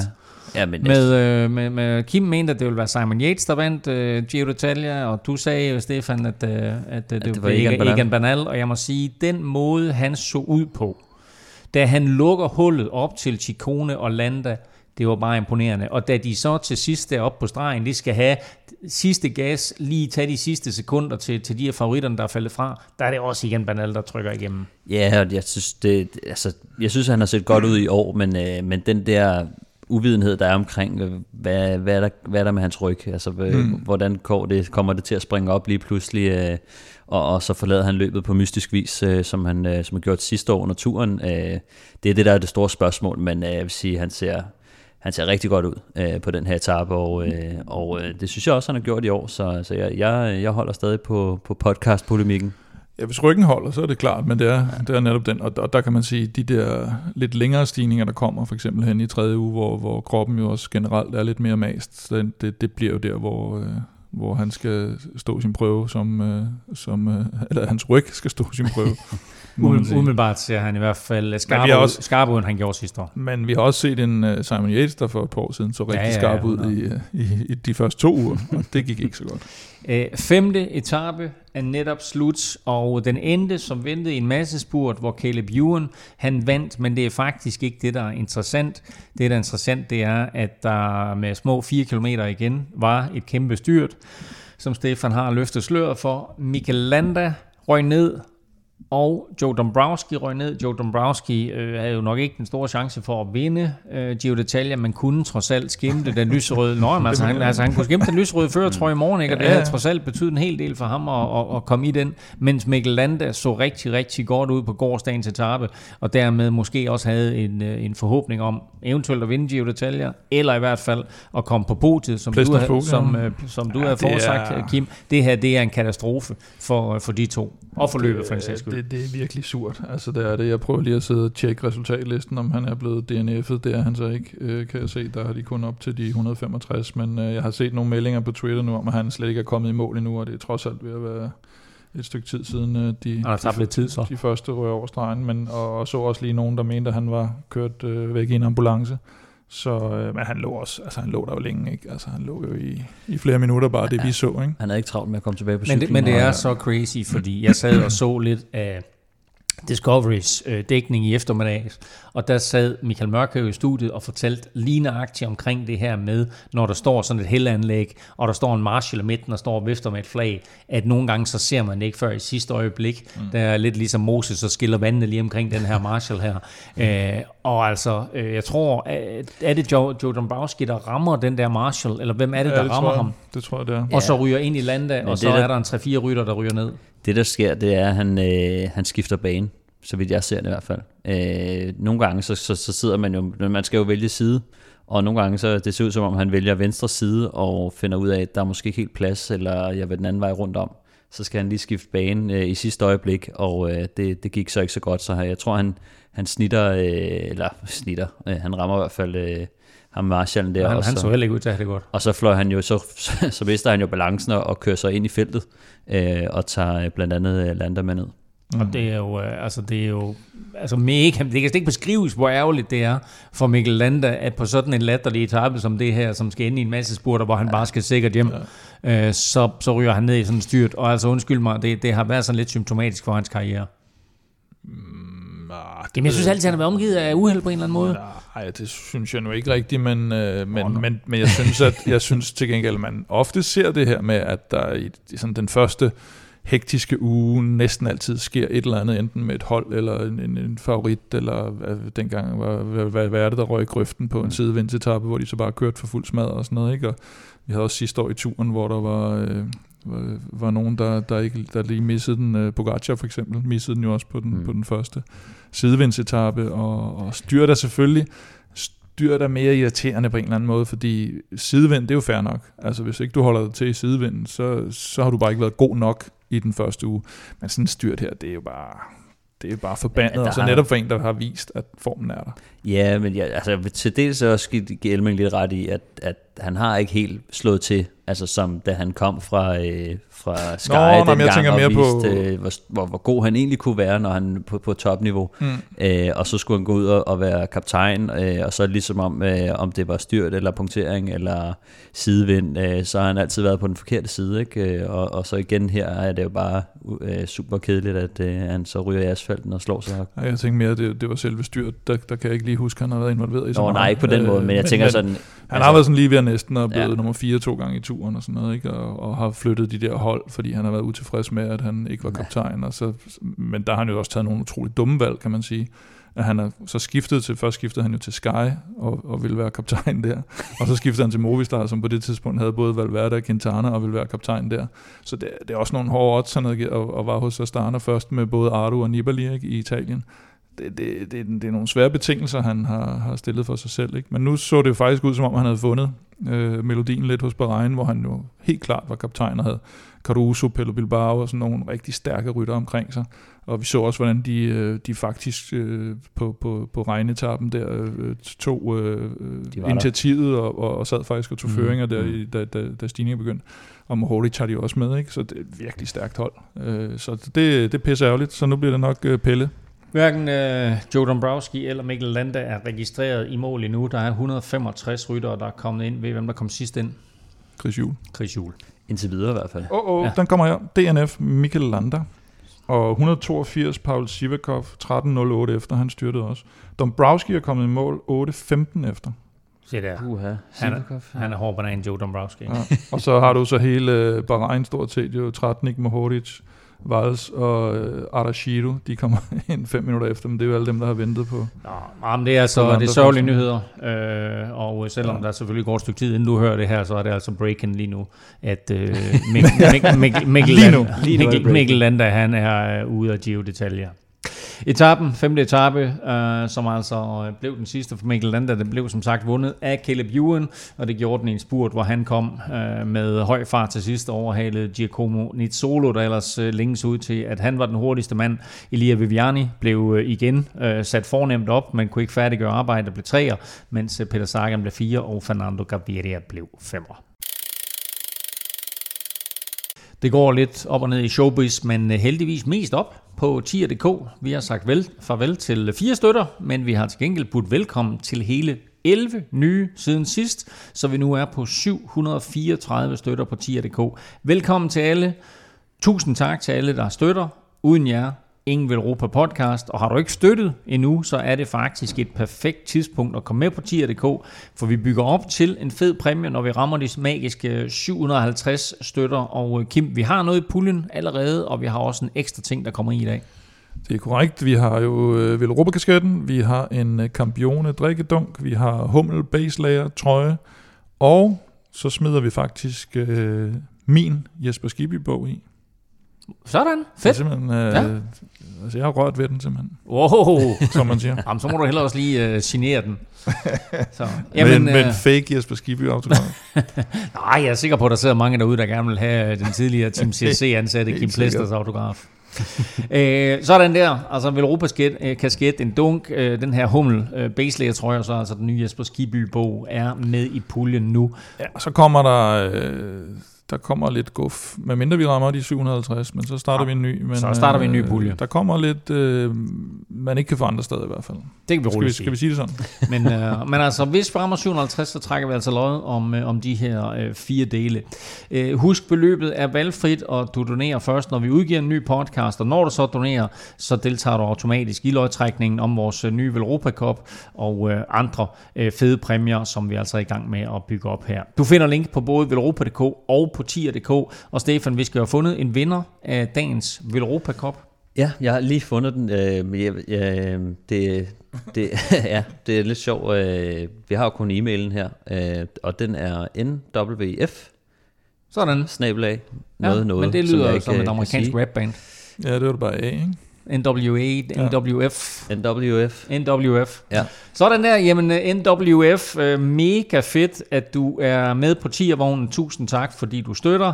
Øh, Og vi gør det jo på den måde, at øh, for hver øh, femmer du donerer, der får du et lod i puljen. Så jo, jo større beløb, jo flere lodder, og dermed altså større chance for at vinde. Og øh, NWF vandt altså dagens Velropa Cup. Mange tak for støtten til dig og til alle andre, og øh, tillykke med din nye kop. Vi skal lige omkring de øh, største nyheder fra cyklingens verden, og øh, her kom det frem i den forgangne uge, at sprinteren Sam Bennett forlader det kønne Quickstep efter den her sæson. Ja, Patrick Lefebvre, han har simpelthen været ude og sige, at øh, han har ikke råd til at beholde. Om det så er, fordi han har lavet de her meget lange kontrakter med både Remco og Alan Philippe og Kasper Askren, øh, og skråstreg eller han allerede har hentet nogle andre ind, Mm. som han har brugt de her penge på, det melder, det melder historien jo så ikke rigtig noget om. Men rygterne siger i hvert fald, eller der har i hvert fald været rygter om, både Tim Malier og, øh, og Peter Sagan skal, skal den anden vej. Men, øh, men Altså skal til. til det König, til ja. König Quickstep i stedet for. Uh, og så nævnte du tidligere også, at uh, Almeida uh, formodentlig er på vej væk også. Det er rigtigt, ja. Øh, og altså, der sker jo nok en del udskiftninger på det hold, fordi det specielle ved, ved det König i det hele taget var jo, at der var, var der en rytter, der havde kontrakt efter Ja, den det her tror sæson, ret i, ja. øh, øh, af, af alle sammen. Og nu har de så skrevet med, med tre af dem, ikke? Det, Ja, der er stadigvæk ikke så Det mange på kontrakt, men, øh, men det er trods alt de store kanoner, som, som har fået ny kontrakt her, inklusive øh, Kasper Askren. Øhm, og jeg lagde også mærke til en, en, en, øh, lidt sjov kommentar øh, omkring hele det her øh, Gio Detalje og det Königs rolle, det er, at når vi har de her massespurter, Mm. så er der pludselig ikke et Det König-hold Ej, til at tage ansvar. Der er ikke Øh, noget så, tog, og, øh, og det så vi også, i dag så vi også en lidt spøjs øh, egentlig, hvor, hvor der, der, netop ikke var. Jasper De Boys for Lotto ligger fremme med, med næst, øh, små to kilometer til mål. Der har Caleb Ewan sin sidste hjælperytter foran. Og det er jo fordi, de har, der skete jo det i dag, at der først var et udbrud sted, så bliver det hentet, og så kommer der et nyt udbrud sted, så mange af hjælperytterne var nødt til at sidde, for at de ikke skulle lave en uh, Targo, Targo 20. øh, så er de nødt til simpelthen at, at sidde og bruge rigtig mange kræfter på at hente de her udbrud, og så var der altså ikke rigtig noget tilbage. Og, øh, og det, det bliver lidt spøjt. En øvrigt en ting, vi glemte at sige i forhold til spurten, nu er vi lige inde på den. Nitolo bliver jo toer igen. Han har aldrig vundet en etape i Gino endnu, og han er blevet to i de første masse spurter her. Så han er ved at opbygge sådan en, en, en ret jo- fin rekord i anden plads snydt uden, på uden de sejr. sidste meter. Altså, han tror faktisk, han har den. Og så lige Ja. pludselig så kommer The Pocket Rocket øh, lige udenom i aller sidste øjeblik. Og Tim Allier, som er rygtet til Quickstep her, han træder lidt ud af pedalen, så, så får så en, en Og blev 8, pedal. og så, ja. Så har vi efterhånden ved at have været rundt. Så vi ved at være rundet rundt, rundt den spurt igen. Vi er jo sådan set i gang med vi nogle nyheder her omkring det König og så videre. Vi mangler Sam, Mørkøv. Sam, Sam Bennett, der forlader holdet. Uh, Michael Mørkøv sad i studiet i dag på Discovery og sagde, at han har skrevet en ny kontrakt, men han vil ikke fortælle med hvem. Mm. Det er vel formodentlig angiveligt det König Quickstep, eller hvad? Ja, Skal han med Sam Bennett, hvor Sam Bennett nu end skal hen? det, jeg, jeg synes ikke, han, han, jeg synes ikke, han så så... Da de, da de nævnte det, så synes jeg ikke, han så så, hvad, hvad hedder sådan noget, hemmelighedsfuld ud. så, jeg, så jeg tror egentlig ikke, det er det. Jeg tror ikke, det er det. Jeg, jeg, jeg, altså, det skal du lige forklare. Hvad tror du ikke er hvad? Nej, men jeg tror ikke, han skal med Sam Bennett. Altså, det, jeg synes, han har, han har jo kørt... Altså, man kan sige, de her sprinter, der har forladt det König Quickstep, har ikke performet, øh, øh, hvor de har performet på, øh, på hvad hedder det, både Gavidia og, og Viviani, og har performet på, øh, på Quickstep, og, og Mørkøv har jo lidt fået den her rolle, at uanset hvilken sprinter han så får ind, så performer de der. Men det har måske også noget at gøre med, at han netop er på Quickstep. At, øh, Mm. at, at han trives i det miljø, eller det gør noget godt for ham. Så det er jo ikke sikkert. Det kan være, at Mørkøv han laver den samme som Viviani og Gavidia og sådan noget, hvis han forlader Quickstep. At så, så risikerer sige- han at sætte sit Mørkøv, renommé over styr, ikke? Mørkøv har jo været i, i rigtig høj kurs og været hyldet rigtig meget her på det sidste, også Mm. internationalt. Mm. Så, så nu øh, er det i hvert fald meget velkendt, at han nok er den bedste lead-out-mand i, i feltet. Mm. Øh, så, så det eneste, jeg tænker, der er, øh, der er to, der er to øh, ting, der kan ske, det er, at øh, han enten bliver, hvor han har det godt, og hvor han... Øh, vi ved, at... Øh, øh, jeg kan huske, jeg var ude og cykle med ham, da han kørte på Katusha, og han havde fået øh, tilbud om, øh, jeg tror det var lige efter det var kommet frem, at han skulle til Quickstep, så han, han sagde, at han havde fået et tilbud fra, øh, fra Jumbo om at være lead-out-mand for Kronevæggen, men han valgte Quickstep, øh, selvom det nok var et øh, mindre, godt, mm. Mm, mindre god mm. kontrakt, mm. fordi han synes, det var et fedt sted at være, fordi de vandt, øh, der var en god kultur, og det ville han gerne hellere være en del af. Øh, og på det tidspunkt var Kronevæggen øh, heller ikke lige så stor, som øh, han, han så blev øh, efterfølgende. Men øh, så jeg tror egentlig bare, at han trives rigtig godt der, men jeg vil så også sige, nu er Mørkøv 36 år øh, i, i mega høj kurs. Hvis øh, Bennett han har fundet en, en guldår, så, øh, så kunne det godt tænkes, at Mørkøv han, øh, han siger, ved du, hvis han kan få en treårig med en sindssygt god løn og, og lukke karrieren af på, øh, det kunne også godt være, at, øh, at han overvejede at, at kan man sige, tage pengene. Øh, men, øh, men, men nu må vi se. Øh, Jeg tror, at øh, de kan vel offentliggøre det øh, inden længe, hvis han bliver. Kan, du- kan du ikke ringe til ham, Kim? Jo, men vi tager ham med næste gang så. Skal vi gøre det? Ja. Er det, er det et Ja. løfte? Ja. Godt. Så har vi Mørkøv med på mandag, hvor han fortæller til Der dig, afslører han alt. hvor, hvor han skal hen. Alt. Så hvis han skifter, Ikke bare det. hvis han, skifter, Han afslører simpelthen alt. hvis, han skifter, hvis han skifter hold, så kan han jo først afsløre det 1. august, ikke? Jo. Øh, hvis, øh, hvis det er, øh, så er det et eller andet dato i Internt, der juli. kan de jo øh, gøre det nu. Altså, de har Ja, jo ja. forlænget. Det er også de derfor, at det er lidt sjovt, at, øh, at hvis du ikke kan få det ud af ham, så... Øh, Ja, men det kan jo være noget med, hvad for en rækkefølge de vil annoncere det for, hvis det er internt. Men, Ja, det, det men det er rigtigt nok, at han, den største sandsynlighed, eller sådan, altså grund til, at han ikke kan sige det, det er jo, at han skifter til et andet hold. Og man kan også sige, at han er jo, han er jo lidt oppe i årene. Øh, er det nu, hvis han skal tage den store pose penge? ja. Og så sige, jamen, øh, jeg har kørt her, og, og jeg har vist mit værd nu så mange år. Så nu tager jeg lige øh, den sidste med, med, med pengene, og så siger jeg farvel og tak. Det, vil, det kunne man jo ikke. Vi skal ikke tage glæderne på forskud, men altså, det kunne også bare være fedt på en eller anden måde, at Fernando Gaviria, han kommer hjem, og så gør Mørke ham lige pludselig til øh, den helt store vinder, ikke sådan, så der er ikke nogen tvivl om, at det er dem, der kører øh, bag ved Mørke, øh, som, øh, som vinder. En anden af de helt store profiler på World Touren får så lige et par ugers øh, ufrivilligt hvil, øh, kan man sige, Kim. Ja, altså en, en øh, blindtarmsoperation til, til Wout van Aert, og man kan sige, det er jo sådan lidt standard procedure selvfølgelig, men det tager lige en to-tre uger ud af, af, af programmet sådan for, for, for fuld hammer, så, så det er der noget, der, der generer uh, Tour de France forberedelser, ikke så meget OL måske, uh, men, men han har sagt, at det kommer ikke rigtigt til at betyde noget i forhold til, og det, det tror man jo nok på, at han skal nok være der, når det lige præcis er ham, der siger det. Og øh, så øh, mere polemik, men øh, den her gang mellem øh, to hollandske stjerner. Øh, jeg er ikke sikker på, at de spiser tacos sammen, men øh, de har mødtes, Fabio Jacobsen og Dylan Grønnevæggen, men der er åbenbart ikke sluttet helt fred. Nej, altså øh, jeg har hørt lidt rygter om, at der, der fortsat øh, ikke var så god stemning, og så var der jo det her møde øh, mellem de to, øh, som jo egentlig skulle være holdt øh, privat og hemmeligt. Øh, og øh, Grønnevæggen har jo så... Øh, nævnt lidt om det her møde, og altså, jeg har ikke røbet sådan indholdet af deres snak, men øh, det har åbenbart øh, krydset grænsen lidt for Fabio Jacobsen. Øh, og øh, det skyldes måske også, at, øh, altså, at, at Fabio Jacobsen måske ikke har følt, at det var den der dybfølte undskyldning, øh, Kronevæggen var vist også troppet op med sine øh, advokater, øh, og havde ikke sådan den helt samme... Øh, syn på tingene som, som Fabio. Øh, så, øh, og det er altså også noget, øh, jeg har hørt, øh, at, at han ikke angrede så meget, øh, som man måske skulle tro. Altså vi så har set det der interview med ham, hvor han øh, sidder og, og, og græder, og, mm. og, og det hele er meget ulykkeligt, men, øh, men jeg, jeg kan huske i starten, der hørte jeg, at han var faktisk øh, lidt sur over, at øh, han havde, var blevet udskilt så meget for episoden, og, og så de der øh, de, de her rygter om, at, øh, at øh, at Kronevæggen, han ville bare træde tilbage og sådan noget. Så der har været lidt omkring, at han ikke faktisk angrede så meget, fordi han nok ikke mener, at det var hans skyld i virkeligheden. Altså sådan, at øh, han, det har ikke været så groft i starten, gik det jo helt amok med Lefebvre og, øh, og Remco, der var ude at tweete, at øh, han skulle nærmest øh, i, i fængsel og sådan noget. Ikke? Ja. Men øh, så, så nu, øh, nu ser det ud til, at øh, deres øh, fejde, den, øh, den fortsætter med, med advokater på, så øh, fortsættelse følger på den. Fortsættelse følger, og jeg tror også, at det har noget at gøre med, at øh, han ikke vil påtage sig øh, officielt et ansvar, fordi hvis der kommer en eller anden gigantisk erstatning, er det så rundevæggen, der skal betale, eller er det, en, øh, er det en forsikring, eller hvad er det? Og derfor så havde han altså også advokater med til det møde her, så han har ikke indrømmet noget som helst. Øh, og og, øh, og som vi snakkede om sidst, altså de, der gør fighten endnu mere øh, interessant, det er, at de har samme agent. Mm. altså ja, ja, han må have en ja. hovedpine lige nu, øh, der siger spørg to. ja, det, det er ikke skide godt. Men, øh, men det er ikke overstået det her, så vi, vi finder ud af, hvad der sker mellem øh, Kronevæggen og, og Fabio Jacobsen der. Og øh, så her til sidst, så kan vi fortælle, at øh, turboss Christian Prydom, han øh, kunne løfte sløret for, at øh, der kommer en Tour de France for kvinder i 2022.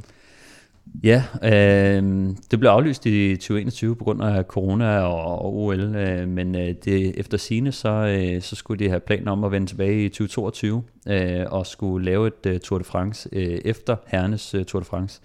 Øh, rute og øh, antal etapper er endnu ikke øh, offentliggjort, så øh, det må vi lige øh, vente på, at, øh, at kommer. Vi har jo set det her øh, La Course by Le Tour, mm. øh, som er sådan en dags cykelløb, øh, som er sådan lidt, måske en lidt fesen uh, Tour de France. Og som jo ligger under herrenes tur, altså ja. som regel der på, den, på, på sidste etape, der kører de om formiddagen, inden herrene de ja. så kommer ind om eftermiddagen. Uh, så sådan lidt fesen, men de har jo faktisk haft et uh, slags uh, Tour de France for kvinder før, som jo... Uh, Ja, det i 90'erne eller sådan noget, tror jeg. Tror, der var sådan en femårig ja, periode i 90'erne. Ja, hvor det, og det, det, det, det havde ikke økonomi til at, at fortsætte, så nu vil de gerne vende tilbage med, Ja, nu kan man sige, at der er lidt mere medvind i kvindecykling i øjeblikket, så, så det er et godt tidspunkt, tror jeg, at, øh, at stable på benene, men de vil gerne skabe et cykelløb, som også er økonomisk øh, holdbart, øh, og, og som, man, som jeg tænker det lige nu, så er det, det bliver nok ikke 21 etaper, øh, som herrenes, øh, hvis de er i tvivl om øh, økonomien i det, men øh,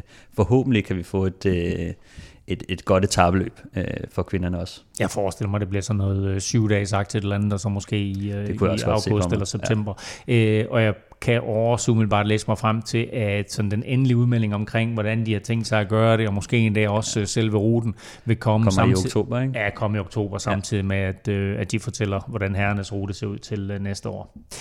Fra øh, en stribe kvinder, der glæder sig de, til øh, Tour de France i 2022, til vores absolute yndlingskvinde. Vel Europa Podcast præsenteres i samarbejde med Odset fra Danske Licensspil. Husk, at man skal være minimum 18 år og spille med omtanke. Har du brug for hjælp til spilafhængighed, så kontakt Spillemyndighedens hjælpelinje Stop Spillet eller udluk dig via Rufus. Tak til uh, Sara og uh, Kim. Jeg ved, at du lige har tjekket op på uh, Landas status. Michael Lander, øh, de, de siger umiddelbart, at kravbenet er det, de er mest nervøs for, eller, eller det, der, der, der gjorde, at han ikke fortsat. Så på, på en måde er det jo, selvom det går naller, så er det jo, det er jo okay, hvis det er det værste. Når man så, hvordan han, han lå på, på vejen, ikke? Så, så kunne man godt have frygtet noget endnu værre, men og, og det, det, medmindre man er Tyler Hamilton, så kører man ikke videre med bare kravben. Nå, det er selvfølgelig ærgerlige nyheder for Lander, men, øh, men trods alt gode nyheder, hvis det kun i gåsøjne er øh, kravbenet. Lige om lidt, der får du spiltips bragt i samarbejde med Odds fra Danske Spil, men først der skal vi lige have et hurtigt overblik over, hvad der venter os og rytterne frem mod den øh, første hviledag på tirsdag. Øh, I morgen torsdag skal rytterne ud på blot 160 km, men øh, 6. etape har sådan et øh, stort bjerg i midten, og så slutter den af med en 16 km lang kategori 2 stigning. Ja, det, øh, det bliver en... Øh, det bliver en god etape, synes jeg. Der er gode muligheder for, for et udbrud, der kan køre. Det kunne blandt andet være noget for Thomas de Rent. Øh, vi har set, der er stor angrebsløst øh, i år, øh, så, så må ikke, at vi får et øh, stort udbrud at se her også, men øh, også en god dag for, øh, for øh, klassementet. Øh, der er nogen, som skal ud og hente noget tid igen. Øh, Dan Martin blandt andet, øh, George Bennett. Øh, der er masser, der, øh, der har travlt med at komme ud over stepperne allerede. Men, jeg håber, det ikke er koldt. Jeg glæder mig også til at se øh, den, den sådan endelige, eller sådan det første rigtige slag i bjergene mellem øh, Yates, øh, Banal, Remco, øh, ja. Vlasov, øh, Hugh Carthy og, og de her drenge, som, øh, som også har set godt ud. Øh, det får vi første styrkeprøve. Det, er, det afsluttende bjerg er øh, ikke det værste, men øh, den, den har øh, stiger godt i, i, i lang tid, og så de sidste 4-5 stykker, det, det spidser lidt mere til. Så øh, det, vi får nok øh, lidt, lidt tidsforskel at se, men det er ikke sikkert, at det bliver sådan en kæmpe stor forskel. Det er sjovt, du nævner øh, det rent der. Jeg, han, er, han er meget aktiv på, på Twitter også, og svarer på alle mulige, der ja. skriver noget om ham, og jeg så, at øh, her i, var det i dag, hvor han, sådan, der var en, der spekulerede, om han kunne finde på at gå udbud i dag, eller sådan så, nej, jeg skal køre på Calibur. og så efter enkeltstarten, sådan noget, så var der en, der havde skrevet, øh, Garner vandt den 8,6 km lange enkeltstart. Ifølge min computer var den 8,3, skrev han så bare. det var meget køligt. det, Nå, jamen, jeg, jeg ved, jeg er meget upræcis nu, øh, fordi jeg siger, at fredag er der 180 km. Ja. Øh, og det er så med, med mål i uh, termoli. Uh, og den er de største, 181. Okay, tak. mange, mange tak. de største udfordringer på den her 100, hvad sagde du? 81. 181 km lange etape, de ligger sådan på den første del.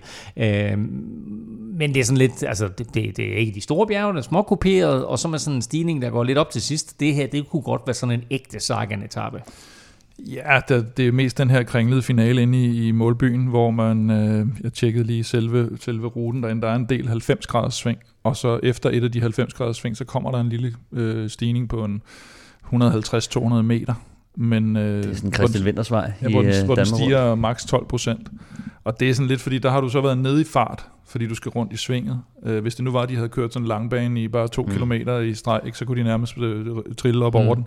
Du kommer rundt i svinget, ned i fart, og skal så op ad den her stigning, og den ligger... Er den 12 procent, den sidste? Den er maks 12 procent, okay, okay. og det vil sige, det kan være sådan en lille bitte, bitte ja, ja. stykke, ikke? Så, så mere skal man heller ikke tage for. Men så er der lidt snørklet passage også efter der på de sidste halvanden kilometer, så, så den bliver trukket ud lidt der, og noget, noget teknisk finaler, det kunne godt være noget, noget Sagan, som jo han bliver fire i dag også, ikke? Og, og har ligget okay altså, med frem i de der... Noget, der ligger til Caleb Ewan for eksempel. Det er rigtigt. Så, øh, men, men hvis han skal have en af de her mere sådan sprint-sprint-etapper, så, så skal det nok være en finale. Jeg kan godt se, at han er godt lidt op med Daniel Oss, eller øh, hvad hedder de, Gros Schartner, eller sådan et eller andet, der kan, mm. der kan køre ham godt frem i, i den der tekniske, lidt hårde finale. Lørdagens 8. etape har et par øh, skarpe stigninger undervejs, og så slutter den af med øh, 3 km op mod mål i øh, Guardia San Framondi. Hvem er favoritter her? Ja, men jeg vil jo umiddelbart sige sådan nogle Ulissi, Brambilla-typer, Visconti i gamle dage. Mikkel Honoré, hvis han fik frit lejde, kunne, kunne også være en, det er måske lidt, lidt stejl for ham, men, men uh, Ulissi har for eksempel været ude at sige, at, at han synes ikke helt benene er der endnu. Uh, han synes, at han mentalt er godt med, altså hovedet er der, og hvor det skal være, og han venter egentlig på, at, at ligesom formen skal indfinde sig. Om den allerede kommer det, der... Det, det, det er en forkert sport. Ja. Man hører det i sådan noget boksning, ikke? at det er vigtigt, hovedet er der, men i cykling, der er han sgu mere vigtigt. Cykling er det mere simpelt jo.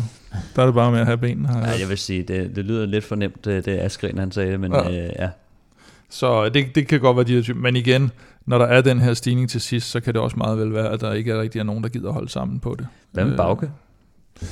Øh, ja, vi har slet ikke set Bauke. Altså, nu har Nibali faldet lidt, faldet lidt tilbage. Ikke? Ja. De har måske Chikone, men jeg Bauke tror, Bauke, Bauke skal ud på et ordentligt tok, de, de, de høje bjerge, ikke? og have sådan en, en, rigtig en, en, en rigtig stor etappesejr, ja. det tror jeg. Det er måske søndag. Um, fordi ah, du... Jo, ja. Nej, det er det nok ikke. Men jeg, prøver, jeg, men jeg vil sige det på en måde, jeg glæder mig til søndag. Ja. Og der kan du altså godt sætte dig godt til rette i sofaen, fordi det er kun 158 km. Er det rigtigt, Stefan?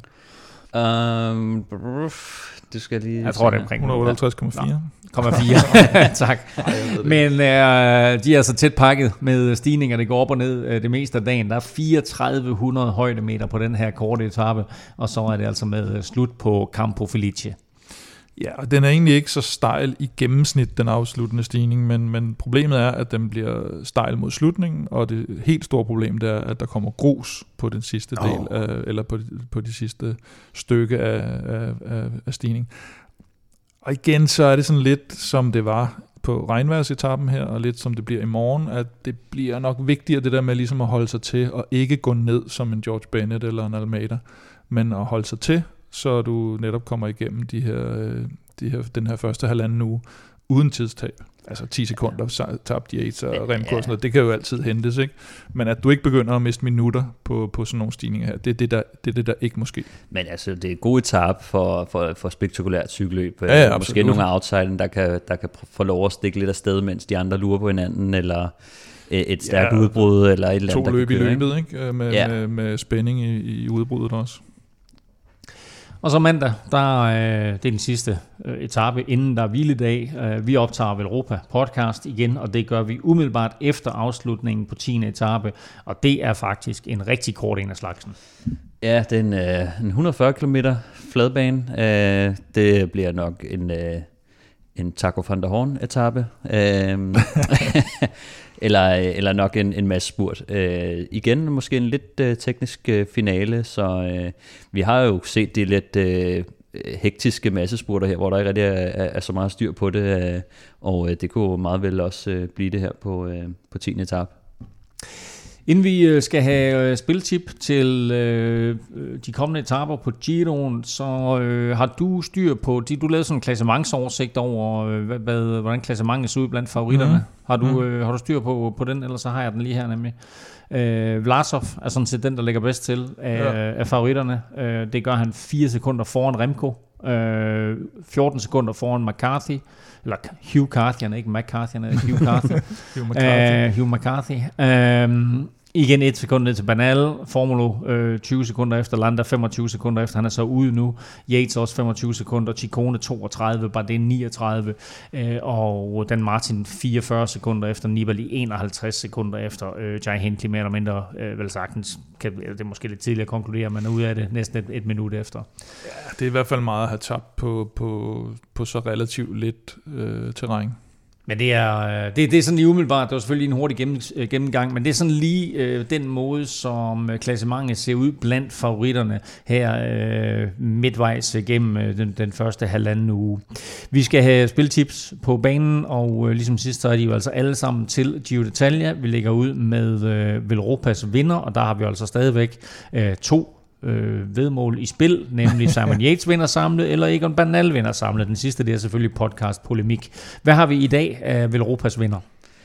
Jamen, øh, vi har, at øh, Peter Sagan, han vinder øh, syvende etape. Det er den her etape, vi snakker om, øh, som bliver lidt øh, bøvlet ind øh, mod mål, og der kommer den her lille stigning.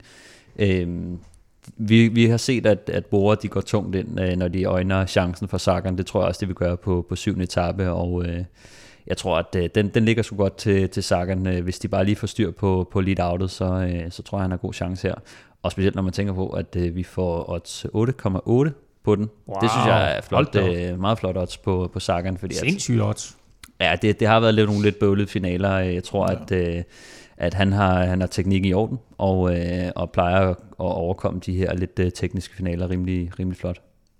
8,80 i odds på, at Sagan vinder fredagens 7. etape. Det er noget af et odds på, øh, på Europas vinder. Du får lov til at fortsætte, Stefan. Vi skal have Stefans staldtip. Ja, vi skal have lidt, lidt kedeligere staldtip faktisk den her gang. Øh, det er lidt sikkert. Det er en tendens med din staldtip, at de Jamen, ligger jeg, jeg, faktisk, meget kedeligt. Der var på et tidspunkt, hvor jeg kørte sådan nogle odds 40, øh, og sådan lidt derudaf, men... Øh, men så, så var der jo en på Twitter, der på et tidspunkt lavede sådan en statistik over, oh, hvor godt rigtigt. det gik. Og så, så tænkte jeg, nu bliver jeg skulle lige nødt til at stramme lidt op. Og så har du været skarp siden. Mm. Ja, så, øh, så nu er det blevet en, en reel forretning. Øh, men øh, Egan Bernal tror jeg på. Øh, jeg har jo kaldt ham som, som vinder af Giroen.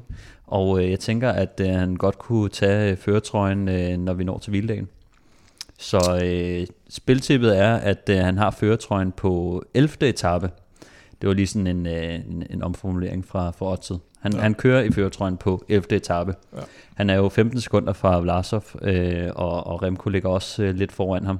Så øh, vi, vi har altså nogle, øh, nogle rimelig svære etaper her, hvor at jeg tror, at øh, så godt som han så ud der, øh, øh, i går var det vel, øh, der, mm. øh, der, er, der er 11 sekunder mellem ham og Remco, altså ja. Vlasov fører for, 4 ja. sekunder foran Remco, og så altså 15 sekunder. Ja, der, der er ikke langt op. Øh, det er et, et, et, et godt angreb, eller, øh, eller lidt gode ben over de her øh, næste tre hårde etapper, der kommer. Så, og det er lidt spændende, fordi dit, dit tidligere Stefan Staltip, som også stadigvæk er i spil, det hedder jo Remco Evenepoel, slutter ikke i top 10 samlet. Hvordan har vi det med det nu? Ikke så godt som inden Giroen. men, øh, jeg, jeg, jo, jeg synes, han har set godt ud, men, men der er også lang vej igen, og jeg, ja, han har set godt ud på stigningerne, men til gengæld synes jeg, han skuffede en lille smule i, i øh, enkeltstarten, fordi Øh, det, ja, men altså, han plejer, jo, for han plejer virkelig at køre nogle gode. Han var jo 14 sekunder efter Garner, var han ikke det? Jo, men han blev nummer, hvad blev han, nummer 7, tror jeg, han det var. Han slog ham til, jeg, jeg, jeg til havde, VM i 19, ikke? Jo, jeg, han slog ham også i San Juan, øh, og jeg, jeg, jeg troede, han, jeg troede, han ville køre noget, der mindede mere om noget podieplads på den, fordi øh, ud fra den, øh, at, at du kan jo altid træne dig op til at køre 8 km, selvom du har været ude. Det er mere det der med at træne sig op til at køre 3 uger i Giroen eller øh, i bjerge. Og hvad sige, ved jeg. Det tager lidt længere tid at bygge basen op, ja. end det gør op og hamre til på noget VO2 Max og være klar. Men mm. jeg vil sige, han imponerede mig sgu alligevel, øh, og han har imponeret mig indtil videre, men øh, holdbarheden øh, over lang tid, han har ikke kørt en Grand Tour, Nej. men det, det er jo det, som alle, alle har sagt, ikke? Øh, så lang øh, layoff øh, første løb af, af Giroen, øh, han har ikke kørt en Grand Tour før, jeg kan huske, da de annoncerede ham, øh, var det sidste år, så han skulle køre Giroen, mm. øh, der sagde de også, at nu tester vi ham af, og hvis han bliver for træt, så trækker vi ham ud, og det mm. har de også sagt, de sagt, i år, uh, så de, de passer altså på ham. Jo, men det er, og, og, og det kan jo ikke teknisk set kan du ikke rigtig lade sig gøre det, han er ude på at gøre, men problemet er, at det er Remco. Problemet er det, Remco, ja. Og, og, og, og som vi har set nu, problem, er, Almeida er, er væk. Ja, den er i hvert fald ude. Den er væk. Med, ja. Så øh, det havde jeg tænkt som en af mine gode pointer var, at hvis Almeida øh, eller Masnada mm. overrasker, øh, og han ikke kommer godt fra start, øh, kunne han måske godt ende som en halv hjælperytter øh, for dem. Øh, nu er han så kaptajn, og øh, så, så må vi det, se, det, det, det gik stærkt. Vi talte om i forrige udgave af Europa Podcast, hvem der var kaptajn, og du sagde, om det finder man ud af hen ad vejen. Ja, eller, men, det gør man også. Det, det, det, det fandt vi hurtigt ud af. Det, det tog tre etapper, ja, ja. eller ja. lad os sige fire. Tilbage, det var, tilbage til Egan ja. Banalotset, så vi fik mm. aldrig øh, chancer for at gøre færdigt. Det lave også, øh, du havde. Den, øh, han har føretrøjen, øh, kører føretrøjen på 11. etape. Den har vi fået boostet til lukrativ øh, 1,65. det er jo væsentligt lavere end de 1,90 du fik på Remco Evenepoel uden for top 10. Ja, men Nå, øh, det er... Men 1,65, øh, Stefan uh, Staltip, den, øh, altså du har været virkelig, virkelig skarp, så jeg vil sige, den, den er næsten... Øh, jeg vil ikke kalde den sikker. jeg vil ikke kalde den sikker, men, men øh, det er godt nok, det er tæt på Money in the Bank, det der. Oh. Nå, Kim, ja. vi skal have dig på banen. Vi skal, skal have en pl- pl- pl- Plæstners podie, og ja. jeg kan lige uh, starte med at sige, at dit oprindelige Plæstners podie, det er ja. skrottet efter i dag, for det var jo desværre... jeg vil sige, jeg har jo synes også, jeg har været uheldig. Ikke? Jamen det har du også. Fordi nu var der også noget med, med noget romandiet og regnvejr og styr. holder i hånden i den. Øh, ja, ja. Det, Nå, Mikkel Landa slutter ja. på podiet. Samlet var dit uh, Plæstners ja, podie. Og, og den det lå det også til. Ja. Nu er han ude. Til gengæld så har vi et nyt podie, og det er på øh, Campo Felice-etappen, 9. etape på søndag, med den her grusstigning til sidst. En rytter fra Astana i top 3. Og nu siger du en, en rytter. Hvem kunne det være? Altså Vlasov? Hvis det er, Nej, at Vlasov, favoritterne kommer ja. hjem, så er det Vlasov. Ja. Så tror jeg, han kører, så, så bliver det ham og Banal og måske en enkelt mere, der kommer, Mm. mm. kommer først hjem der. Men jeg tænker jo også, de har jo nogle meget gode rytter, som, som netop Luis Leon Sanchez, eller, Vadim Plonsky, øh, eksempel. Harold Tejada. ja. Nej, de har faktisk nogle, øh, nogle okay, der godt kan, kan lige smække den, smække den op af i et udbrud. Øh, så, så hvis det er et udbrud, der holder hjem, så tror jeg faktisk også, der er en færre chance for, altså sådan en Fabio Fellini i Fabio form, Fellini, ikke? ja. Kan, kan gøre det. Ikke? Har de ikke også en brødre øh, med? Gorka Ja. har de med. Øh, ja. Det er, ikke, det er ikke helt skævt. Og så når man jo får... Øh, nu skal jeg have siddet og drillet dig med de lave odds. 2,20, hvilket er væsentligt mere end Stefan Staltip har givet de sidste 3-4 uger. Jeg synes, det er et flot odds. Øh, Jeg spiller den, det gør jeg. Det tror Det- jeg faktisk. Ja, men jeg, jeg synes, men, øh, men det jeg, vil virker sige, okay. jeg vil sige, at hvis jeg skulle spille lidt af de her odds, så ville det godt nok være Velropas vinder. Sagan vinder fredagens syvende etape, mm. Boostet til øh, 8,80. Ikke en medalje i førertrøjen på første hviledag var Stefan Staltip til 1,65, og så var altså en rytter fra Astana i top 3 på øh, 9. etape der til Campo Felice, boostet til odds 2,20. Det var Spiltips bragt i samarbejde med oddset fra Dansk Spil. Nu skal vi have fundet vinderen af dagens quiz, og det står 14-13 til Stefan. Det vil sige, Kim, du har serveretten. Du bestemmer, om du vil svare først, eller du vil lade Stefan svare. Og øh, spørgsmålet var ret simpelt. Det er, hvilket land udover Italien er det land, der har været vært flest gange for en Giro-start. Og der er 13 forskellige gange i historien, hvor Ja. ja. Giroen er startet uden for Italien. Men øh, jeg skal jo sådan statistisk set selv tage den i dag. Ja. Så det gør jeg, selvom jeg ikke, jeg har ikke noget, jeg har egentlig ikke rigtig noget favoritbud. Jeg har et, der måske er oplagt, men det vælger jeg ikke at sige. Nej. jeg vælger at sige Belgien. Belgien er et godt bud. Stefan? Det er et godt bud. Det er et godt bud, men det er Schweiz. Du- Nå, okay, jeg vil ikke. Det vil jeg heller ikke. Øh. Schweiz har endnu ikke været vært Men det, For- det kommer. For. Ja, det kommer, det gør Det er det en god idé. Det vil, sige, det vil sige, at Danmark var et bedre bud. Ja. Ja. Israel var et bedre bud. Øh, Belgien, Kim, har været vært én gang. I får et skud med at være. Så siger jeg Frankrig. Puha. Det var den, jeg tænkte var den oplagt. Ja. Stefan? Ungarn. Ungarn har været 0. De skulle have været vært sidste år, men det har de ikke. Nå, prøv at der er ikke nogen point til jer to. Holland. Øh, jeg, vil, jeg vil gennemgå dem for Holland. Øh, Holland. Holland er det rigtige svar. Ja. Fuck. Ja. Det er jo næsten Belgien, jo. Jamen, det er næsten Belgien, det er rigtigt. Det, det, er virkelig, det er faktisk Belgien. Skal, skal han have pointet? Ja, det synes Nej, jeg. det synes jeg ikke. Holland-Belgien, de var vært for EM i fodbold i, to, i Mit 20, næste bud 2000. havde været øh, Vatikanstaten, men Det tror jeg, det er virkelig Hvorfor dårligt siger du. Vatikanstaten? bare fordi det ligger i Italien. Men det Nej, er, det gør faktisk, det det, det er faktisk officielt en start uden for Italien med Ja. Vatikanstaten. Jamen det var det, jeg tænkte, at Ja. ja. det kunne have været Men det er kun, det, bud, det er kun men- sket én gang. Nå, okay. Men øh, hvad, det, de, de, de øh, byer, skråstrege, områder, der har været vært for... Altså, mit næste bud var Holland. Ja, det var det meget muligt, men der var ikke nogen point Så til jer. stopper han den der. 1965 var første gang, det startede uden for Italien. Det var San Marino. Øh, 66 i Monaco. 73 i Belgien. 74 Vatikanstaten.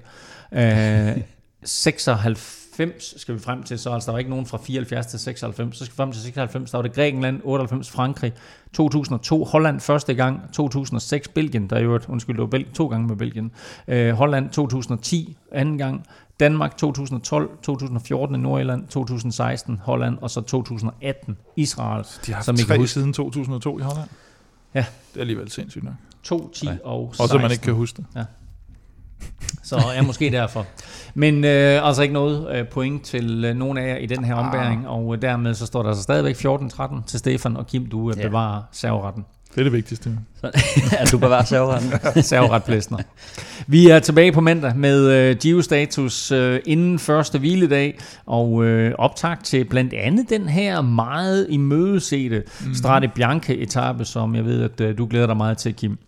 Tjek vores øh, hoodies og trøjer på shopvelropa.dk, og i anledning af Giroen, så er der altså også masser af fede italiensk inspirerede t-shirts, og, så husk det her meget Strade begrænsede... Bianca t-shirt, for eksempel. Strade Bianca t-shirt kunne man købe, for eksempel, eller købe. hoodie, eller whatever. Og øh, husk, at øh, der også er det her Velropa merch i et meget begrænset øh, udvalg øh, til, til øh, salg derinde nu. Du kan følge øh, Velropa og Kim på Facebook, Twitter og Instagram på Snablag Velropa. Stefan finder du på Twitter på Snablag Stefan Djurhus, og undertegnet finder du på Twitter, Insta og Face på Snablag NF Elming. Vores øh, Zetland-tilbud fungerer stadigvæk på zetland.dk-velropa, og det gør vores BookBeat-tilbud også på bookbeat.dk-velropa. Og hvis du ikke øh, sådan øh, ved, hvad du skal lytte til nu, må jeg så anbefale Mads Wirtzes nye podcast, Må du det? øh, Ryttersjargon, Nå, som jeg ja. synes er et fremragende Ja. ja, stykke håndværk af, Mads, så stort tillykke med den. Der er faktisk nogle rigtig, rigtig fede interviews med øh, aktive ryttere i feltet, både nogen han bor sammen med øh, i øh, Girona-området der, og også nogen han kører på hold med. Tak for nu, tak fordi du lyttede med, tak til dig, der støtter på tier.dk og vores partner Hello Fresh og Årtid for Danske Spil. Støt dem, de støtter os. Arrivederci.